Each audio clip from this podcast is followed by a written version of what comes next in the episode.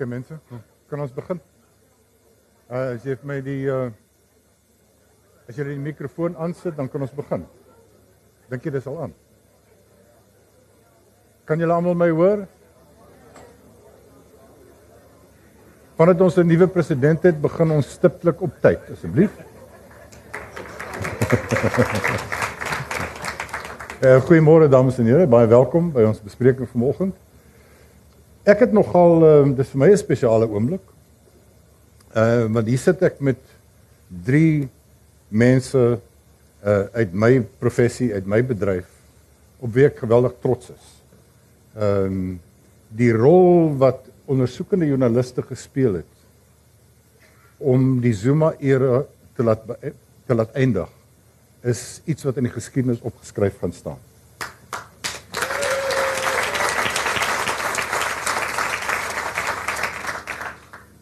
Iemand het ooit so iets moois vir julle gesê.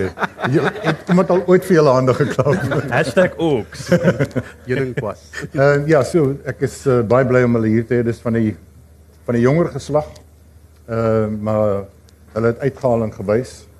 Ehm uh, ons ou uh journalistieke held ehm uh, mamma nou Amerikaanse joernalis met die naam van Hunter S Thompson het altyd gesê when the going gets weird the weird get going. En uh dit kan ons sê van die ondersoek ondersoekende joernaliste uh van Suid-Afrika uh waarop ons baie trots kan wees. Kom ons begin daar. Pieter de Tooy, redakteur van Huffington Post. Ehm um, Pieter Louw Meyburg, ehm um, ondersoekende joernalis by news24.com en Adrian Beson, die redakteur van news24.com. Pieter en Adrian het saam 'n boek geskryf met die naam van Enemy of the People. Ek hoop julle het dit almal al gelees. As julle dit nie gelees het nie, agterna kan julle hier voor dit koop. En uh, Pieter Louis se boek is die Republic of Gupta. Ehm um, en miskien moet ons begin Adrian met wat is ondersoekende journalistiek? Uh want dit is iets wat ons wat mense die publiek nou maklik besig. Maar wat is dit presies? Hoe is dit anders as ander journalistiek? Dankie Max, goeiemôre vriende. Ehm um, ek ek het dit was een van die groot ehm um, misteries van myself toe ek in journalistiek begin het um, by Beeld in 2003. Uh ek het altyd gewonder nou wat is hierdie ondersoekende journalistiek en hoe kry mens scoops? Dit is so of hierdie misterie is. Ek begin as 'n jong joernalis is waar die hel kry ouens soos uh uh, uh Stefans Brummer en um, Zelikazi wa Afrika en al die ander wonderlike ondersoekende joernaliste in die land. Waar kry hulle hulle stories? Ehm um, en en jy weet hoe langer jy in die ding is, hoe meer besef jy dit gaan eintlik maar net oor daai ekstra bietjie moeite wat jy sit in 'n storie, daai ekstra telefoonoproep, die die moeite wat jy doen om 'n polisieman in 'n by 'n hompie te gesien. Hulle hou nogal van hompie um, en spur. Ehm um, jy weet uh, die die uh, die die ekstra paie aansoek wat jy by die hof indien um, om dokumente te bekom. Ehm um, die die tyd wat jy uh, uh, dikwels uh, ehm um, by jou familietyd wegvat om die restel finansiële state van Steinhoff te probeer lees om agter te kom wat daar gebeur het. So dit is regtig ehm um, vir my is dit meer 'n tyd ding. Mense sê altyd dis duur. Dit is definitief duur en daar's nou 'n klomp goed waarop jy kan geld spandeer en soms uh jy weet sit ons ouens op vliegtye en interessante plekke maar die groot leksheid is regtig tyd. Die groot leksheid is die vermoë om te sê vir 'n joernalis soos soos wat ons doen by News24 iemand soos Pieter Louw om te sê gaan doen net hierdie storie vir 'n week Ehm um, jy weet 'n week self is kort, maar maar dit is dit is 'n leksheid. So dis regtig die vermoë om om mense te kry om met jou te praat, om te soek vir inligting. Inligting is daar, dis altyd daar buite. Jy moet dit net gaan soek. So mm. so, so jy weet ek dink ek jy, jy het vanoggend ook op RSG gesê jy weet verwys na gesondheidsjournalistiek. So daar's nie 'n mistiek om daar's nie ondersoekende journalistiek en ander journalistiek nie. Dis maar net diepte goeie journalistiek. En ek dink ehm um, uh, elke joernalis wat die vermoë het om 'n storie raak te sien, om 'n hoek raak te sien en om mense te kry om vir jou inligting te gee en om te weet hoe om te gaan soek vir inligting en die vermoë om ondersoekende joernalis te wees. Ja, dit verskil net van van die res want die res is verslaggewing. Ja. Jy gaan na 'n perskonferensie toe en jy kom verslag doen daaroor en dis nie wat ondersoekende journalistiek is nie. Dit is uh dieper agter die storie, die goed wat bedek lê, die goed wat behoort uh bekend te wees wat nie bekend is nie. En ja, soos ek vanmôre gesê het op radio uh vir al my sondes doseer ek uh ondersoekende journalistiek en meen ek moet sê doseer want jy, jy kan nie iemand leer om ondersoekende joernalis te wees nie maar ek doen dit hier by die plaaslike departement. Ehm um, en al wat ek kan doen is om mense soos die te kom en hulle stories te vertel want jy kan dit nie vir 'n jong student leer nie. Ehm um, Kom ons begin by die boek wat eerste daar was, Pieter Louw. The Republic of Gupta. Ehm um, jy moet dan sekerlik 'n bietjie in ons almal ehm um, lekker kry as jy in die oggend opstaan en jy hoor nog 'n Gupta empire het gesneuwel en die jongste was hulle word uh, ondersoek in Indië. Ja, ja. Nee, uh, Max ek ek dink daar is 'n klein bietjie plesier daar daaruit te put om te sien hoe hierdie um met hierdie ongelooflike sake ryk van hulle nou so skouspelagtig in een tuimel. Um en ek ek dink jy weet dit dis nie eintlik net blote plesier om te sien hoe iemand in die moeilikheid kom eintlik nie. Ek ek dink jy weet Suid-Afrikaners was vir uh, vir lank genoeg um jy weet um opgeskeep met hierdie familie wat wat so blaatant uit die staatskus geplunder het dat um die feit dat daai jy weet hierdie staatskapingsnetwerk en hierdie ongelooflike jy weet netwerk van van kontrakte wat hulle by plekke soos Eskom en Transnet en Denel in plek gestel het uh, tot die nadeel van die die belastingbetaler weet die feit dat daai deure nou begin toegaan en dat daar nou ook nou hierdie bykomende moontlikheid is dat hulle jy weet moontlik in Indië selfs vervolg gaan word op daardie belasting oortredings of beweerde belasting oortredings of en dan selfs hopelik in 'n stadium in Suid-Afrika ek sien hulle dak en daai ook en kom maar nog lekker Um jy weet ons um, kom nog steeds weg van die valke se kloue. Um maar ek dink jy nee absoluut, jy weet dit is dis definitief um bevredigend om te sien dat ten minste een van die mees vernaamste um jy weet staatskapings netwerke is nou besig om in een te tuimel. Ek dink dis dis nie naaste my die einde daarvan nie, maar dis dis dis lekker om te sien dat hulle 'n bietjie sweet. Ja. Ek sou graag wou hê ons moet 'n bietjie die die hele staatskaping fenomeen beskryf want ek meen dis iets wat wat in die volksmond almal praat van state capture, staatskaping.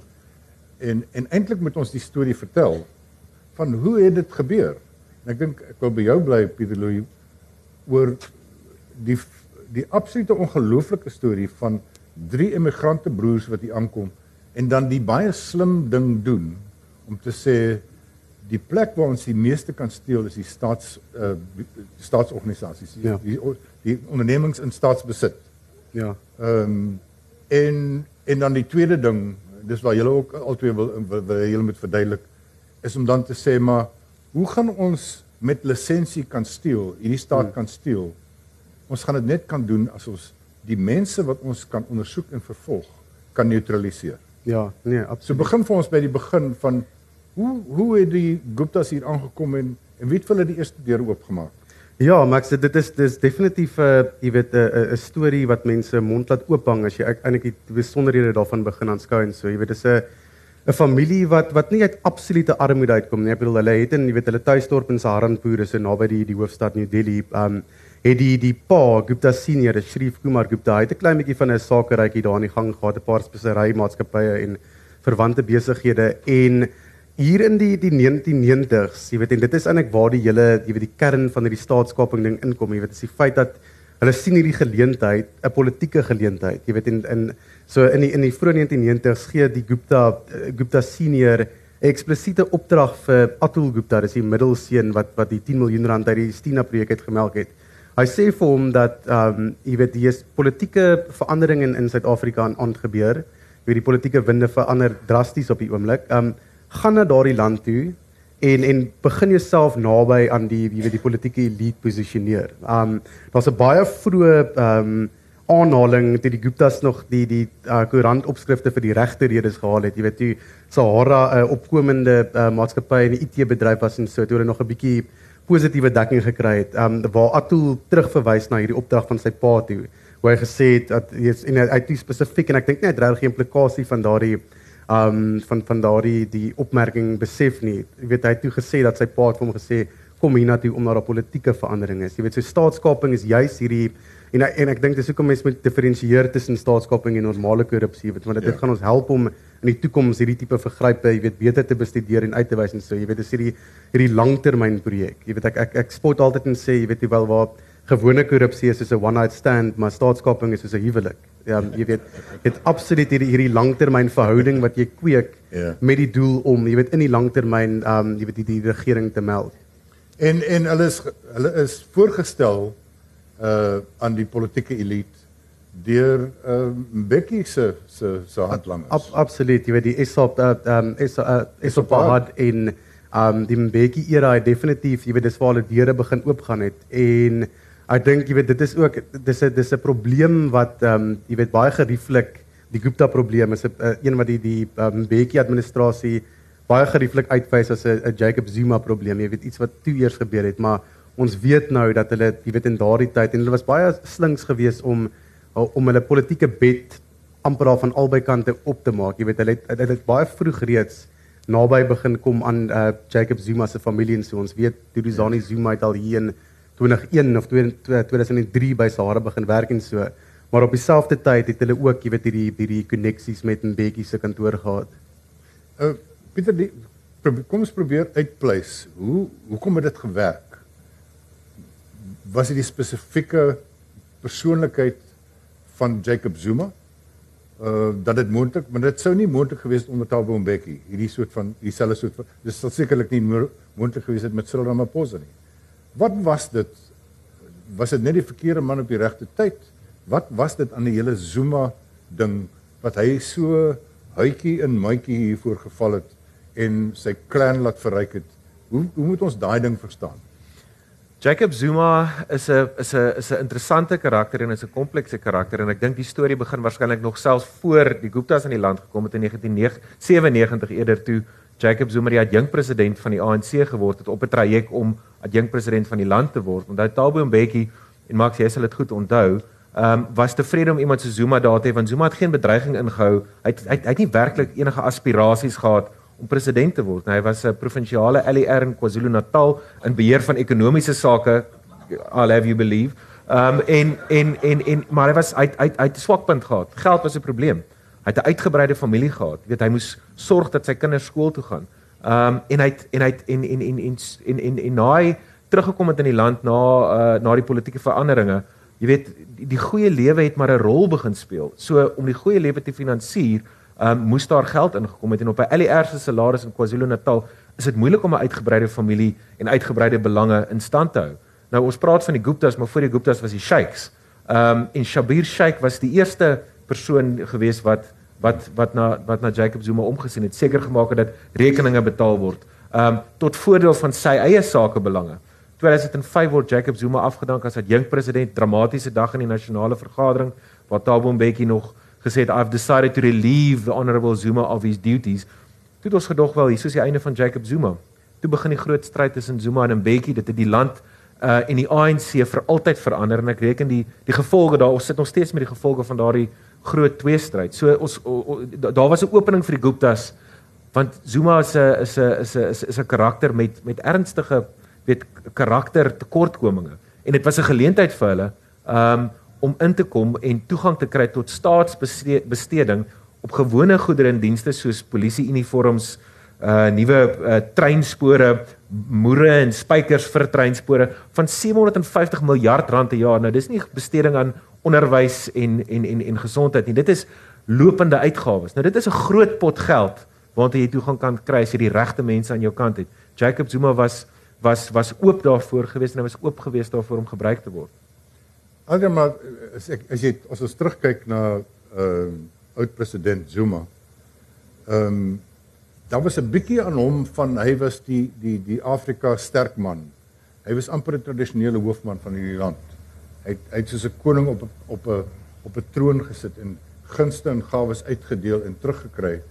Ehm um, iemand een van ons kollegas wat ons almal ken wat ek nie toestemming het om aan te haal nie, het ek eendag baie jaar gelede gevra, "Hoe werk hierdie goed?" Hy hy kom uit daai streek. Jy weet van wie ek praat. Toe sê hy, "Hier's ongelukkig hierdie ou ding in KwaZulu-Natal wat ons sê every chief needs an Indian." Toe sê en dis waar hy hmm. Dis waar hy ingegaan het. Is dit 'n bietjie waar dat dat uh, Zuma gedink het eintlik is dit moreel aanvaarbaar? Eintlik het hy sy gewete op hom nie geplan nie want hy is dan die staatshoof. Dit dit is wat staatshoof, dit is wat 'n hoof van 'n land maar mag doen. Ek dink Max dit is 'n kombinasie daarvan, ehm, 'n um, kombinasie van wat Pieter gesê het dat Zuma is 'n politikus te koop Ehm um, omdat hy uit uit uit ook al op die rekord wat hy gesê het hy glo nie in korrup korrupsie is 'n westerse konsep. Ehm um, hy het hy het nooit hy het ongelukkig het ons nog nie hy het nog nie sy dag in die hof gehad. Ons weet nie wat gaan sy verdediging wees uiteindelik in die Sheikh saak nie, maar Sheikh het nou die hofsaak gesê en ek verbeel my Zuma dit beamoen dat dit was Ubuntu geweest, so Sheikh hom gehelp het. So hy glo uh, jy weet ten minste sê hy in die publiek dat hy glo nie hy was korrup geweest nie. Hy verstaan dit nie. Ehm um, uh, aan die ander kant het hy is hy die groot slagoffer. Ehm um, hy is altyd 'n slagoffer van almal. Vir alles is swaar gaan selfs in sy finale TV-onderhoud met daai bizarre onderhoud met die SAK 'n paar uur voor hy bedank het, het hy homself weer 'n victim genoem van hierdie keer van Ramaphosa en die ANC top 6 wat vir hom om een of ander duistere rede gevra het om uh, te bedank. Ehm um, so ek dink ehm um, Zuma is is 'n is 'n komplekse figuur, maar ek dink uiteindelik mense toe ek my eerste boek oor hom geskryf het Zuma Exposed het het Anthony Alpiker vir my gevra een keer by 'n onderhoud what does Zuma want? En dit was 'n moeilike vraag wat my on the spot gesit het, maar ek dink op daai stadium en, en nog steeds is die antwoord is he wants to stay out of prison and he wants to amass as much money as possible for him and his family. So ek dink daai kombinasie van bly die tronk uit enige manier moontlik, al beteken dit die ondergrawing van die staats van die kriminele justisie uh, sektor hmm. en tweedens om soveel as moontlik geld vir hom en sy familie te te te bære. Dink ek dit was die twee ehm um, baie siniese tekens van sy era gewees. Ehm um, ja, hy het hy het waarskynlik gedink dit is sy reg om iets soos 'n kantlat te bou. Ehm um, hy het natuurlik tot vandag toe nog weet hy nie wat hy op sê hy weet nie wat hy daar verkeerd gedoen het nie. Ehm um, hy speel weer eens die slagofferskap van die staat, ehm um, slagofferskap, slagoffer van joernaliste, uh, slagoffer van ehm um, van Kwesi wat hom beskuldig het van verkrachting, slagoffer van kriminele strafregstelsel en nou van Cyril Ramaphosa. So ehm um, hy definitief ek is nou nie 'n sielkundige nie, maar daar's definitief iets te diagnoseer daar. Jy weet iemand wat homself die hele tyd as 'n slagoffer sien uh, wat nie die vermoë het om iets verkeerd te doen nie. Toe het hy 'n ander ding gedoen, Adrian. Uh die die verskil tussen die ANC as 'n bevrydingsbeweging uh in Suid-Afrika en ander bevrydingsbewegings uh in in in ons streek en in ons vasteland is dat die ANC het van 1912 af gesê for the nation to live the tribe must die. En en en dit een van die grootste uh positiewe kenmerke van die ANC was dat hulle hierdie stamverbondenheid uh onderdruk en gesê ons is een nasie.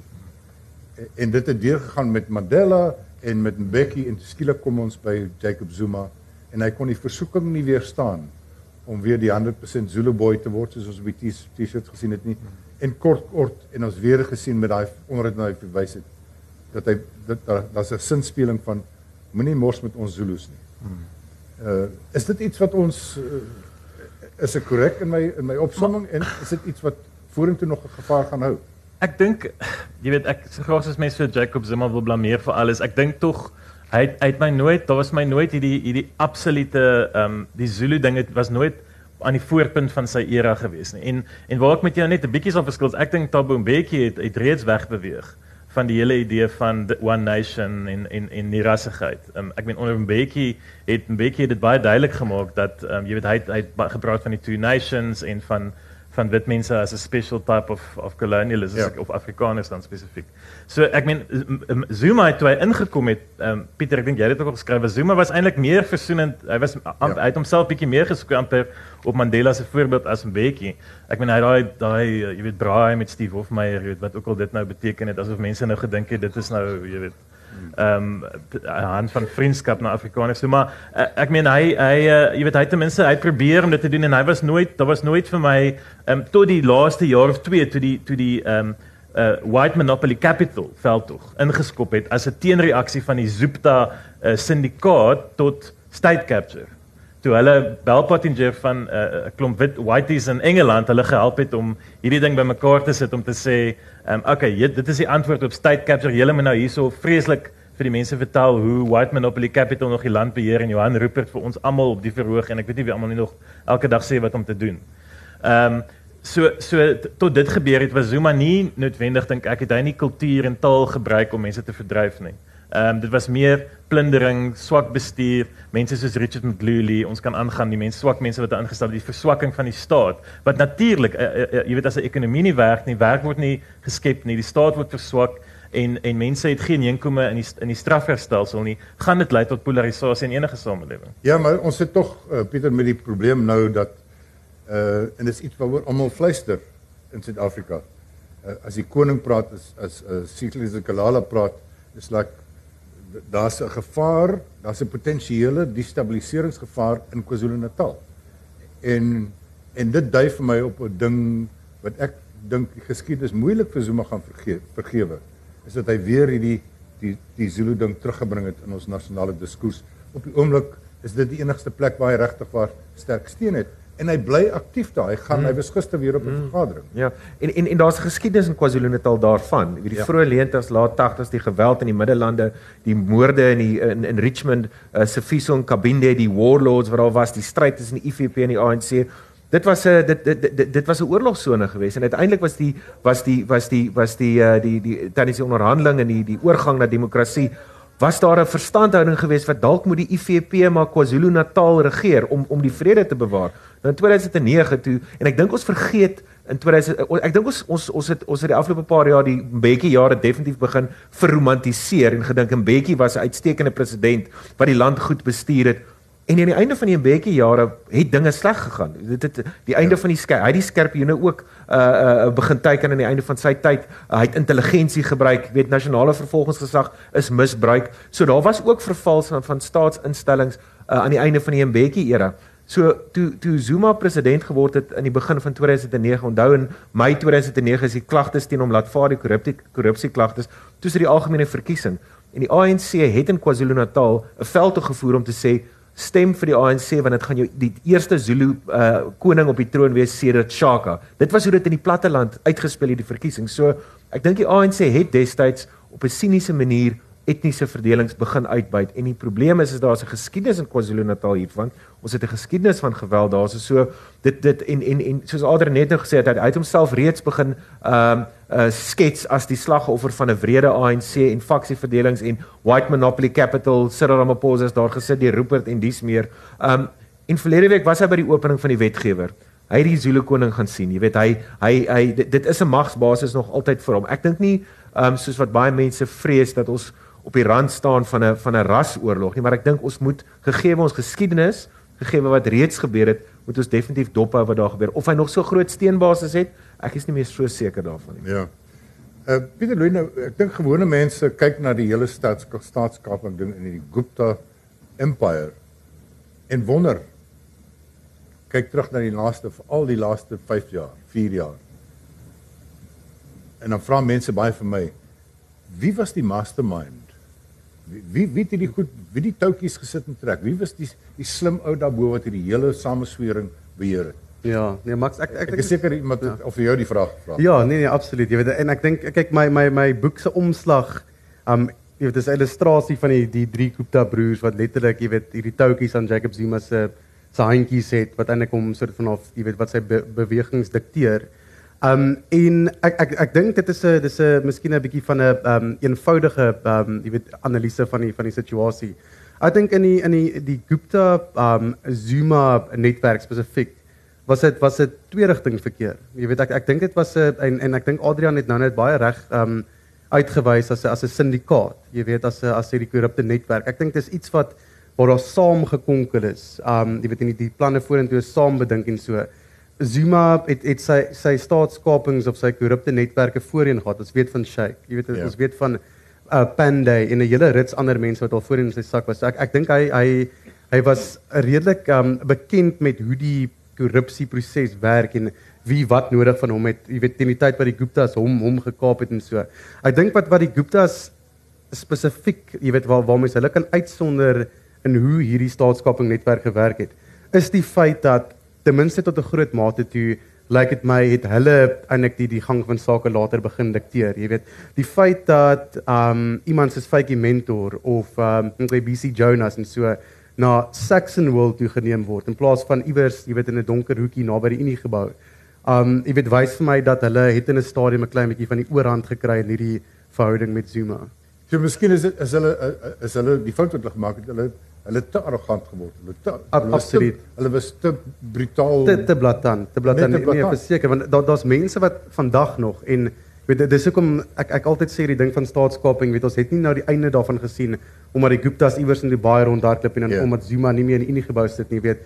Daar daar is baie suksesvolle staatskapers wat nou nog in hulle paleise in KwaZulu-Natal sit of in die Vrystaat of in die Weskaap en so. gewone mense hier weet nie wie's Robert Wang of Thaksin Pandey absoluut. of ja, of Roy Moodley, al daai al daai tipe ouens. want hulle het So, dieselfde ja. goed gedoen maar hulle is nie so Ja, hulle so- het dit nie so gewys nie. Hulle het nie mense Ja. ge- ingeroep en gesê hier 600 miljoen rand en Ja. jy kan die minister van finansies word. Ja, waar die Guptas het weer op 'n op 'n baie um aandagtrekkende wyse 'n 'n bouing vol trougaste by Waterkloof gaan land Ja. en en al daai tipe dinge. Um so ek ek dink jy weet ek, ek definitief die die um die feit dat hulle nie kon indink dat Suid-Afrikaners aan keelvol wees daarvan en dat hulle so blaatant was oor hulle korrupte verhoudings met die staat. Ek ek dink dis definitief 'n baie groot deel van hulle van hulle ondergang. Ek dink as ek net kan byvoeg Max, ek dink um, jy het vroeër gevra die definisie van staatskaping. Ek dink dit is belangrik dat ons dat ons daarna kyk. Ek meen staatskaping is natuurlik ook nie iets wat nou onder Zuma en die ANC begin het nie. Ek ek ek ek is seker ons kan 'n uh, ander gesprek hê oor die broederbond byvoorbeeld en hoe dit ook staatskaping was is waar sekere elite klomp mense en sakemanne baie naby aan 'n staat beweeg hmm. en nie net tenders kry en staatskontrakte nie, maar beleid beïnvloed en en die regering se se die die fiskus hoe die geld gespandeer word beïnvloed. So uh, net om vanaand terug te keer, ek dink Pieter Louw het nou gesê, jy weet daar's iets soos iemand soos Roy Moodley en Prasa byvoorbeeld. Ehm um, jy weet daar's ander voorbeelde ook van sakelyn besighede wat in sekere staatsdepartemente, Bosasa by die korrektiewe dienste waar waar ek vir 10 jaar gekrap het waar waar jy weet hulle absoluut almal in daai departement amper beheer, maar ek dink die Guptas was staatskaping op steroids. Hmm. Want wat jy daar gesien het is en en dit is terug by jou vraag wie was eintlik aan beheer? is hulle kon al hulle kon niks van hierdie goed regkry as hulle nie the great enabler gehad het. Ek weet nie wat in Afrikaans die groot ou wat dit moontlik gemaak het. Ehm um, kop koppelaar. Dis 'n mooi. Ja, is 'n koppelaar. pimp. En wie Hy was het die hy het die wie was staat pimp? gepump. En wie- en en ek dink Jacob Zuma want ek dink jy weet as jy kyk na ou soos soos selfs uh, kom ons vat die die uh die voorbeeld van uh Des van Rooyen of Mosebesi Zwane pick pick your pick your rogue minister, jy weet. Ehm um, jy weet albei hulle is albei uiteindelik aangestel deur Jacob Zuma en en die Mosebesi Zwane storie is my mooi om te verduidelik as jy kyk na die Gupta e-mails. Jy weet daar sit 'n ou in vrede in die Vrystaat. Ek weet nie wie was al daar nie. Dis 'n piepklein dorpie. Hy's amper nie op die kaart nie. Daar sit 'n man in Vrystaat in vrede in die Vrystaat en stuur 'n e-mail van 'n internetkafee af na Tony Gupta na Ashuchola toe wat nou hierdie belangrike speler in die Gupta maatskappy is. Ehm um, met Mosebenzi Zwane se CV. Mosebenzi Zwane is 'n onderwyser uit die Vrystaat wat toe op die stadsraad gedien het en toe uh, al die erg gemaak is in Ysmagashule se provinsiale kabinet. Die e- die die CV van Mosebenzi Zwane word gevoer deur Chola na Tony Gupta toe. Tony Gupta, die jongste broer in die Zuma Empire. Hy voer dit na Duduzane Zuma, die seun. Nou die seun is baie belangrik hier, Duduzane Zuma, want hy was die uh, hy was nog 'n koppelaar. Hy was die skakelaar tussen sy pa en die familie. En daai CV word dan uiteindelik deur Duduzane Zuma aan sy pa gegee wat vir Zwane 'n paar weke later aanstel as die minister van van ehm um, van mynwese. So dis hoe die hele ding bymekaar kom is is as jy invloed het op daai vlak en en en ehm um, jy weet en en Zuma uiteindelik hulle sou nie hierdie goed kon regkry as hulle nie 'n Malusi Gigaba as Zuma nie 'n Malusi Gigaba aangestel het in as ja. minister van openbare ondernemings en Gigaba gesorg het dat Iqbal Sharma op Transnet se se se direksie sit wat gesorg het dat McKinsey en Trillion die tenders kry nie. Want Barbara Hogan wou dit nie gedoen het nie en toe steek hy in die pad. Hmm. Zuma. Absoluut. Eers eers eers fytjie mentor het hom het hom in sy moer gesien en in Ja. die pad nie. En en, en en toe Barbara Hogan hom weggejaag en toe uiteindelik by by Malusi Ja. Gigaba Ja, uitgekom. ja. En en en en Pieter miskien met 'n ou klein bietjie 'n men, uh, melding maak van David Maslobo. Uh want staatssekuriteit het tog hier 'n rol gespeel. Ja. 'n 'n prominente rol gespeel. Byvoorbeeld toe toe toe die nasionale inkomste diens gekaap is. Het staatssekuriteitse mense met hierdie vals dossiere by die Sunday Times gaan aanloop. Ehm um, en David Maslobo, ek was ek het geskryf toe toe die toe Cyril sy nuwe kabinet aankondig, die mees betekenisvolle ding wat hy gedoen het, is hy het vir David Maslobo wat nie onbekwaam gesien is of korrup gesien het. Hy het hom in die pad gesteek. Ehm um, hoe moet ons dit verstaan? Hierdie was 'n perfekte storm geweest rondom Jacob Zuma om nou te luister na die e-mails en en en en en, die, die die die netwerk van bevoordeling en die netwerk van staatskaping. Maar aan die een kant was dit was dit 'n 'n 'n 'n baan of 'n netwerk van absolute verryking om om om om om toegang en posisie te gebruik om mense, families, uh individue te verryk. En dan was hierdie heilige vrees wat Jacob Zuma het om tronk toe te gaan. Ja. En hy weet hy's in die moeilikheid. Hy weet al van 2005 af is in die moeilikheid.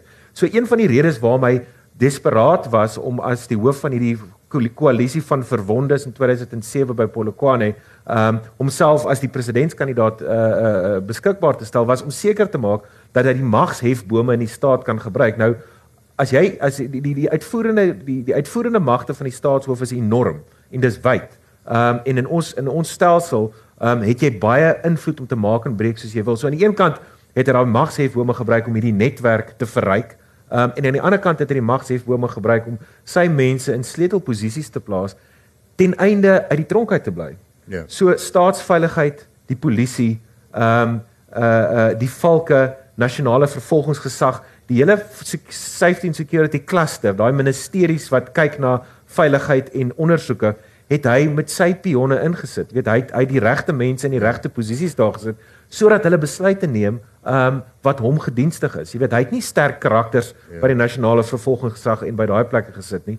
En intelligensie soos wat ons uit die Mbeki jare weet, was nog altyd 'n belangrike magshefboom te gewees. As, as jy die sp spioene beheer, weet jy wat by Polokwane gebeur, weet jy wat by Mangaung die ANC se verkiesingskonferensie gebeur, en weet jy baie beslis wat, wat by Nasrek sou gebeur het. Maar Globo um, was 'n provinsiale LER in in Mpumalanga gewees onder David Mabuza. Mpumalanga staan bekend as 'n as 'n nes van korrupsie. Dis een van die mees swaks bestuurde regerings in die land. Miljarde rande elke jaar identifiseer die ouditeur-generaal gaan verlore aan aan aan aan aan aan vermorste uh, uitgawes. So hy kom uit daai omgewing uit. Hy's 'n sterk man gewees en en hy was gedienstig vir Zuma gewees. Zuma het iemand nodig gehad um wat die spioene en die en die, die spooks beheer. Um en as jy as jy as jy Maslobo en Zuma se paai gaan vergelyk, Zuma is elke keer waar hy verskyn het was Maslobo agter hom gewees. Ja.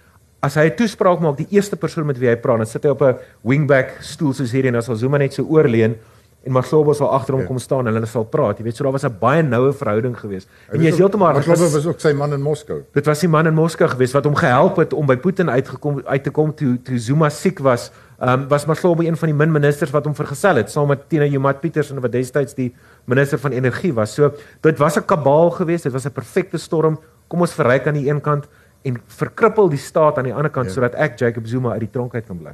Wat ek interessant vind is dit lyk vir my half asof Cyril nou hierdie lang lys van mense wat ges, wat wat gesneuwel het onder Zuma in terme van politici en senior amptenare. Ek meen begin as jy kyk na waar hulle begin het uh dit was Anwar Dramat. Hmm. Uh Sadrak Sibia by die by die by die by die Valke. Robert McBride. Robert McBride, dit was uh, Ivan Pillay, Johan van Loggenberg ja. by SARS. Ja. Dis in ehm um, Colisi Trasana by ja. die Nasionale Vervolgingsgesag. Dat baie van daai mense kom nou terug, soos wat soos wat ons land van Nene terugkom, ja. soos wat Pravin Gordhan terugkom. Ek hoor Gibson en Ginger is op pad terug na die staatssekuriteit toe. Hm. Ehm um, Ivan Pillay en wat miskien dalk ook Johan ja. van Loggenberg gaan weer ja 'n rogue unit begin by by die inkomste dien. Max, ek ek dink mense moet mense moet verstaan hoe naby ons aan die afgrond was. Jy weet ja. hierdie hierdie staatskapingsnetwerk en ons praat probeer 'n definisie uitfigure daarvoor. Maar maar die manier, die siniese manier waarop Jacob Zuma en sy sy koppelaars die die die uh uh die die die verswakking van die staat aangehelp het.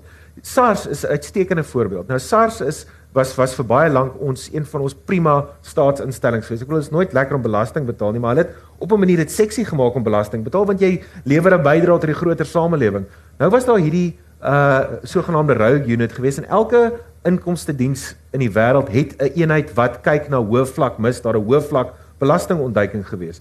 Um en hulle het 'n hulle het 'n hulle het 'n reeks lêers daar by by by die inkomste diens gehad wat die hele staatskapingsnetwerk uitgesit. Nou ons praat van die Guptas Daar's 'n klomp ander families ook wat wat deel is van die netwerk waar ons nog nie eers regtig aan kon begin krap nie. Natuurlik was dit 'n bedreiging vir die president geweest. Ehm um, weet daar was 'n disinformasieveld tog en hierdie hierdie hierdie hierdie hierdie vaardigheid of hierdie capability wat SARS gehad het om hoë vlak belastingontduiking te ondersoek is totaal en al gereëneer. Dis weg. Dit bestaan nie meer binne SARS nie. Sit Tom Moyane daarso beskerm jou belange. Ehm um, dieselfde by die nasionale vervolgingsgesag, dieselfde met die einde van die skerp joen en die oorgang na die valke toe. Ons het ontsettend baie kundigheid verloor om misdaad te bekamp en korrupsie te, te te bekamp. So ons is op pad terug, glo ons. Hierdie hierdie mense wat by SARS weg is, by die valke weg is, daar was 'n bietjie van 'n informele netwerk geweest terwyl hulle buite die staat was.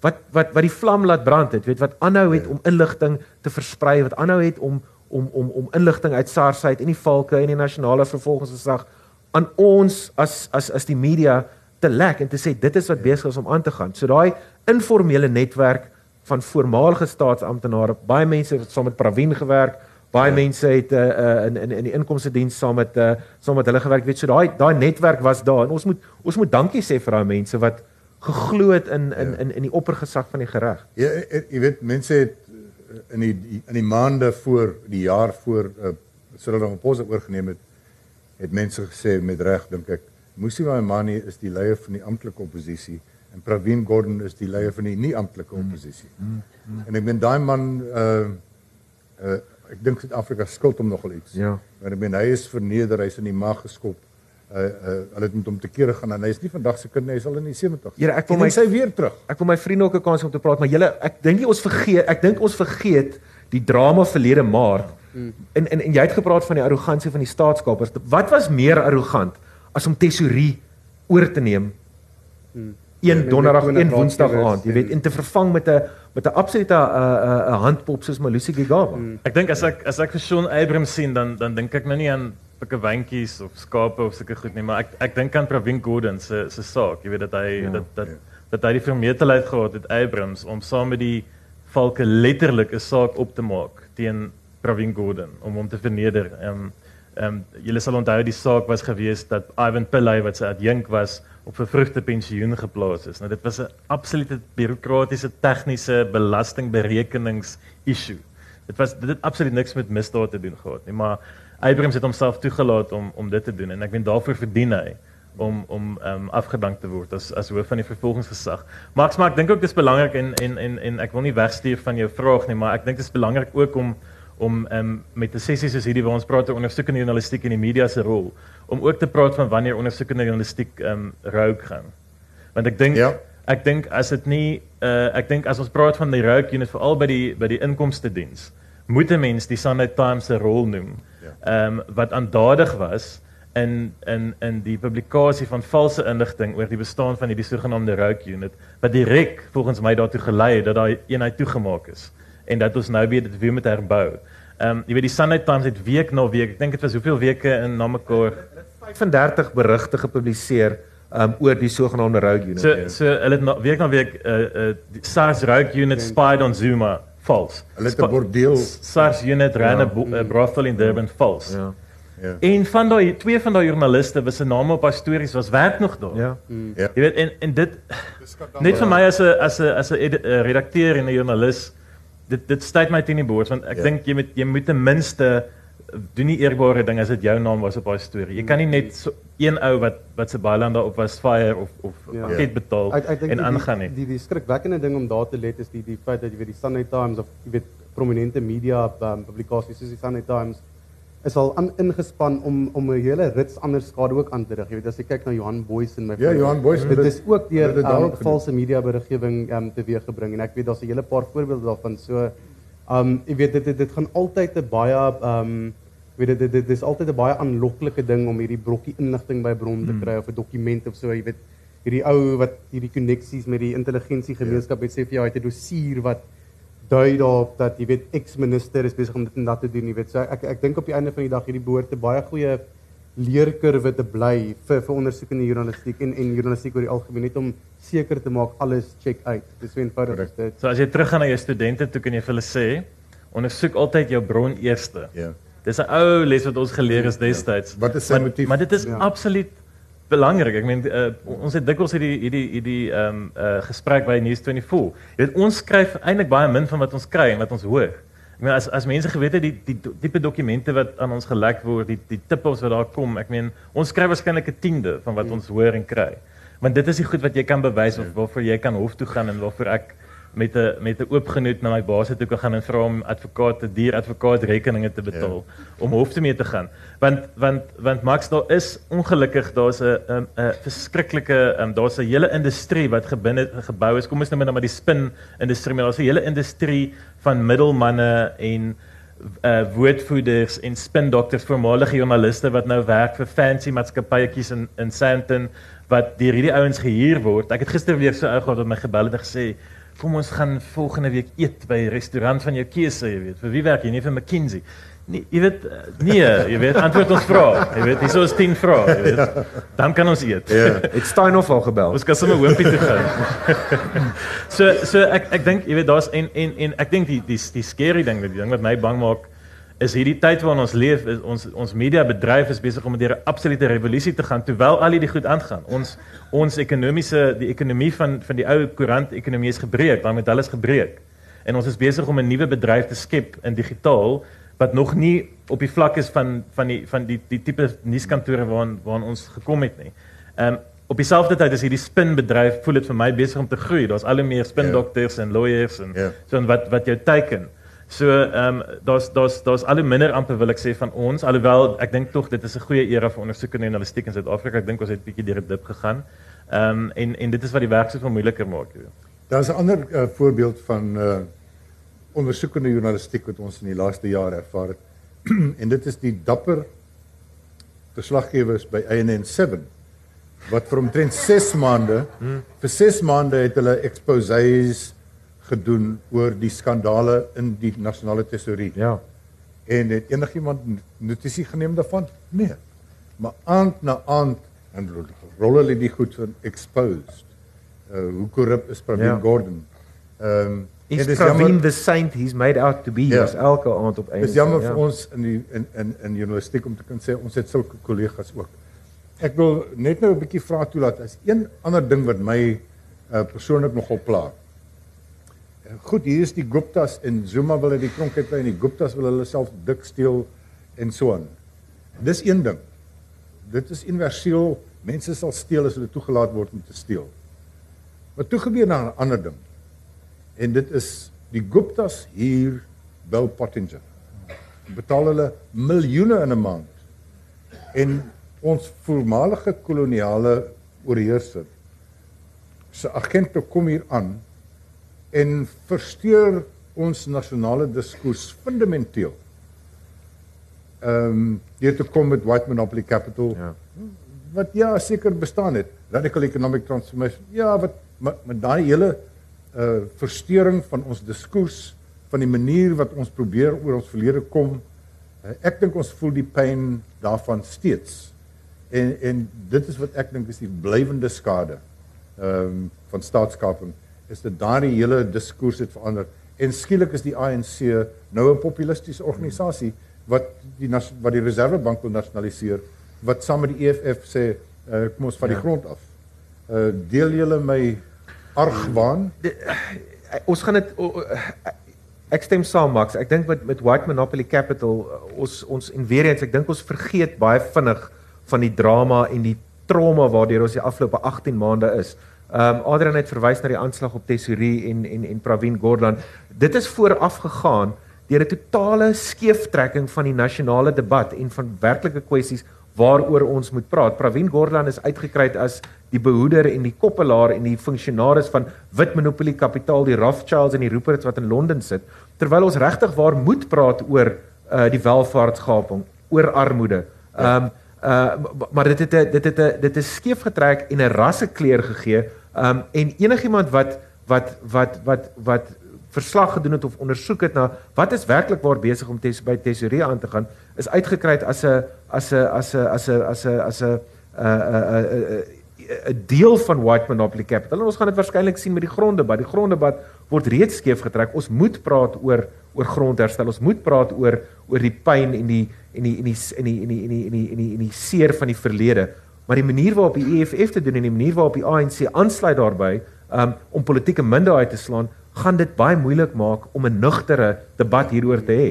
Um Zuma het baie vinnig op die radical economic transformation um bandwagon gespring, maar dit was om sy eie sy eie bas te red. Dit was om sy eie uh uh, uh, uh ondersteuningsbasis te konsolideer. Dit was nie om regtig waar te praat hoe sny ons red tape uit wanneer Nee. Klein maatskappye wil begin. Hoe hoe hoe hoe pas ons arbeidswetgewing aan um, om klein ondernemings uh, voet in die deur te gee nie. Dis nie waar dit gegaan het nie.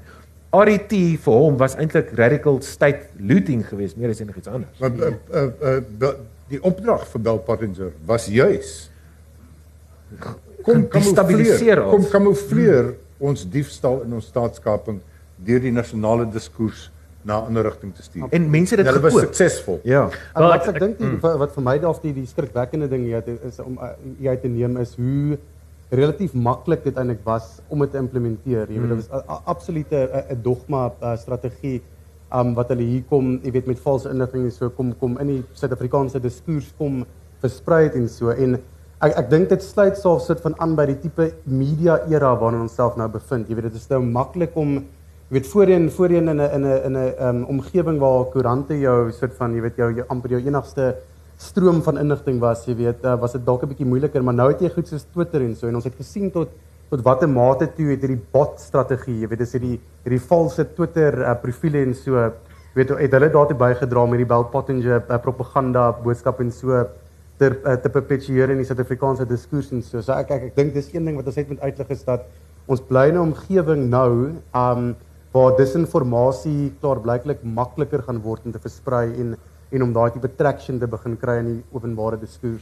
Ek het my eie Twitter rekening laat ondersoek. Eh, Ek het nou iets soos 220 000 volgelinge op Twitter. En ek het dit laat navors. 56 000 van hulle is Gupta Yes. bots uit, Bot uit accounts. van hierdie plaas in in in Indië. Jy's minder gewild as wat ek gedink het.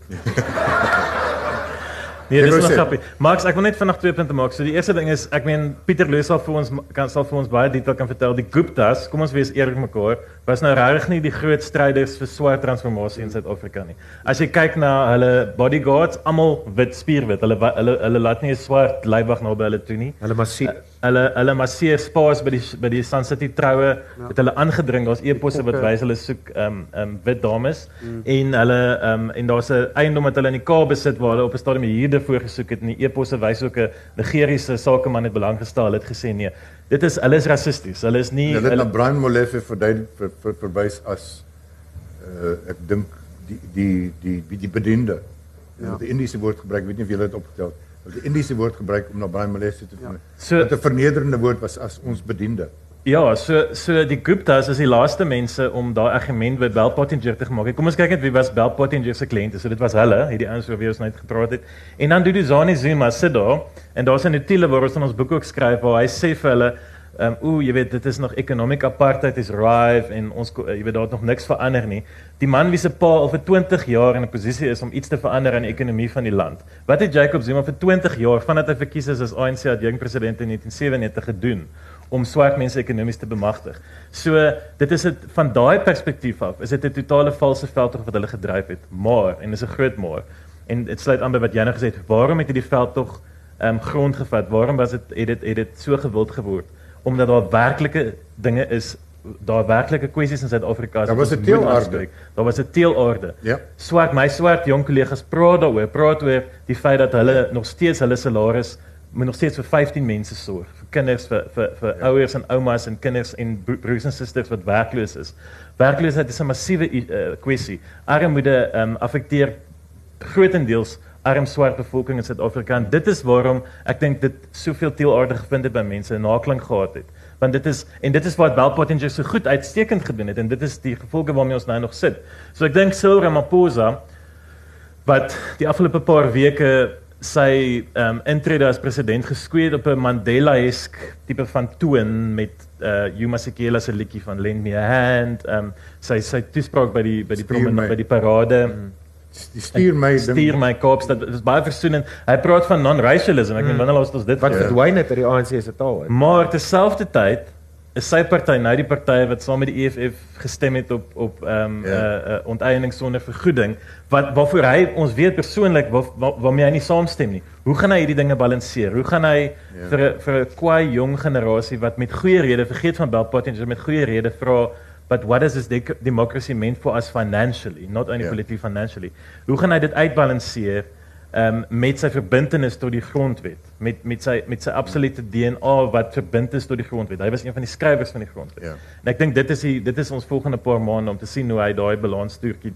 die uh, handhaaf Ek was al lus om vir Bel te siddel en sê meneer die president stuur my moet my net een my moer stuur. is hier 'n baie dringende vraag. Uh ons het nog 7 minute oor. Hier's 'n vraag hier reg voor en daar is 'n mikrofoon op pad. Hier is die persoon met die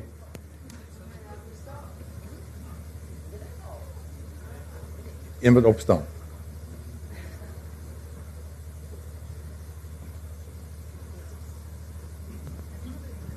Skus, ek is 'n bietjie hees vandag. Um ek wil net weet is daar enige um iets wat u weet in verband met die uh, gerugte dat Zuma moontlik is um state of emergency wou gebruik het as indien hy voortgegaan het met sy presidentsie. Hy Ja, het julle die Rian de Villiers ding gelees? Ja.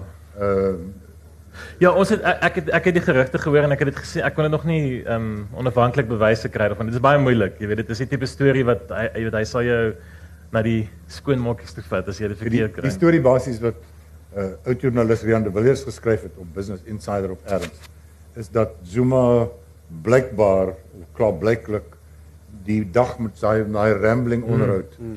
dat hy toe wou 'n uh, uh, noodtoestand uit uitroep en die soldate om die parlement laat afsluit sodat daar nie 'n mosie van wantroue in hom kon wees.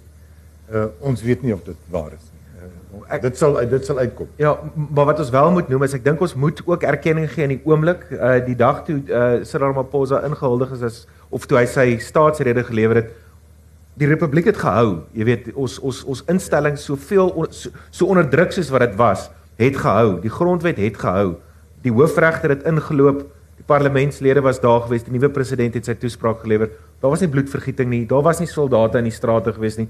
Ons was nie in 'n 'n staat van paniek nie. Daar was eerder euforie gewees dat die president gewaai het, maar ons het gehou. En ons Dit moet erkenning gee daaraan. Dit was tog interessant hoe met hoeveel diepe dankbaarheid Cyril vir generaal Shokke bedank het. Ja.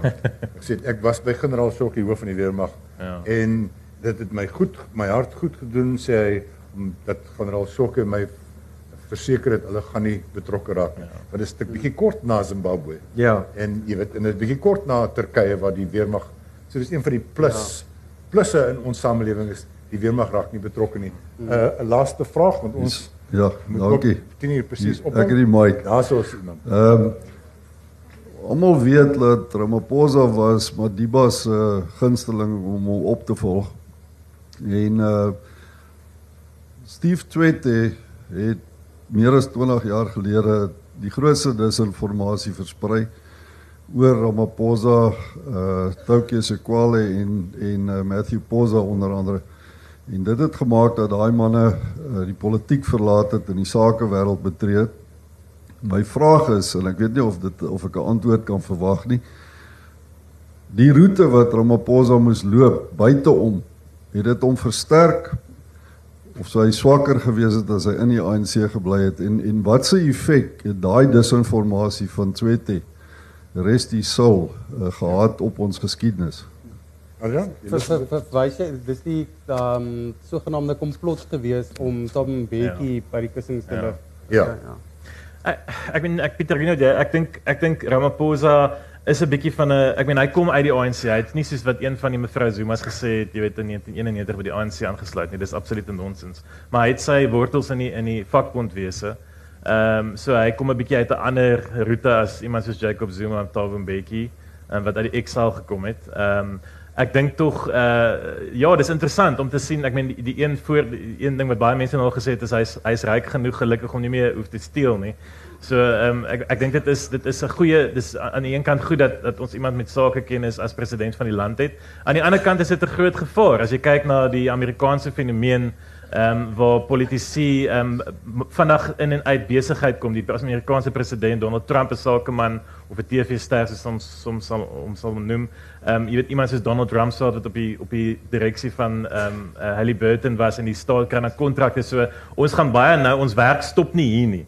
Weet Pieter Louweke het nie nou eweskielik nie meer werk nadat Jacob Zuma nie meer Ja. die president is nie. Ons moet nou kyk wie's al die maatskappye by wie Ramaphosa aandele het. Um, ons Ja. weet hy het sy aandele in 'n familietrust gesit, maar daai familietrust baat steeds by baie van daai aandele. Ons moet kyk, ons gaan nou ons gaan nou keurig moet kyk dat hulle nie nou baat by die staat nie. Maar Pieter, ek weet nie of jy iets wil sê oor sy politieke Kyk, hy ons moet verstaan hy hy sê dit 2012 wat jong president van die ANC en hy was nog altyd op die nasionale uitvoerende komitee Ja. van die ANC gewees. So hy is nooit volledig uit die ANC uit gewees nie. Ehm um, maar maar maar wat Max vroeër gesê het wat my positief maak minstens oor Ramaphosa is dat hy dat hy gehelp het om die grondwet uh te skryf. Is intens betrokke daarbey gewees. So hy's dit is vir hom 'n saak van baie dis uit 'n persoonlike belang daarbey om te sien dat die grondwetlikheid seëvier. Maar hy was aan die ander kant van die muntstuk is hy is nog hy was deel van die Zuma regering vir 5 jaar gewees terwyl hierdie aan die gang was en ons moenie dit uit die oog uit Maar hy is 'n moderniserende leier en dit is wat ons nodig gehad het. Uh, ons moet ons het nog 'n minuut en 'n half. Ek wil vinnig vir Pieter Louw gevra het amper het jy my vraag geantwoord. Dis okay so die Guptas die Guptas stort nou in een. Hmm. Uh die Zuma ryk stort in een. Wat waar fokus jy volgende? Wat is die volgende groot storie? Ja, ek ek ek is baie bly Adrian sê ek het daarom nog werk. Um ek ek, ek dink Max, ek dink die die die taak gaan nou wees, jy weet aan die een kant ja verseker om om soort van of um um jy weet uh, om om om om seker te maak dat die die huidige leierskap se sake netwerke nie meng met die staat se nie, maar ek dink daar lê ook nog 'n baie groot taak vir ons voor om regtig tot die bodem te kom wat presies gebeur het in die laaste paar ja. jaar want die die draak se kop is dalk nou afgesny en so jy weet afgekap en so maar baie van hierdie goed wat die Guptas in plek gestel het, gaan nog steeds daar wees en so. Ons het nou eers onlangs uitgevind van daai Mediosa, daai daai mediese trokkies wat in die Noordwes provinsie ja. rondry. En ek dink dit gaan maar net die, jy weet dit gaan net die die die, die bokant van die ysberg wees. Ek dink daar gaan nog 'n klomp sulke tipe dinge ehm um, na vore kom en dan natuurlik ook nou ook die taak om al die ander staatskapers wat dit so suksesvol reg gekry het om in die skaduwees te te te operate en sê so, weet die rooi moodies en daai ons dis nou tyd om om hulle korrupte uh, korrupte netwerke ook te ontbloot. Ja, ek dink dit is belangrik dat joernaliste, dis 'n nuwe verskynsel van die laaste 20 jaar dat joernaliste boeke skryf. Want daar's nie plek in jou daglikse publikasie om dieper te gaan en kleur te gee en konteks te gee nie. En dat is 'n baie welkome verskyning dat uh, joernaliste nou boeke skryf. Uh want ons moet verduidelik. Ons moet terugkyk na hierdie era en moet kan verduidelik hoe presies het dit gewerk want dan kan die ligte betyds aangaan as ons weer dit sien. Uh dit is 30 sekondes voor die tyd en dit is 'n goeie tyd om op te hou. Dames en here, baie dankie. Dankie aan my drie gaste. Uh weer 'n hande klap vir hulle. En as by elkeen van die geleenthede vra die mense vir my wat wat kan ons gewone mense doen?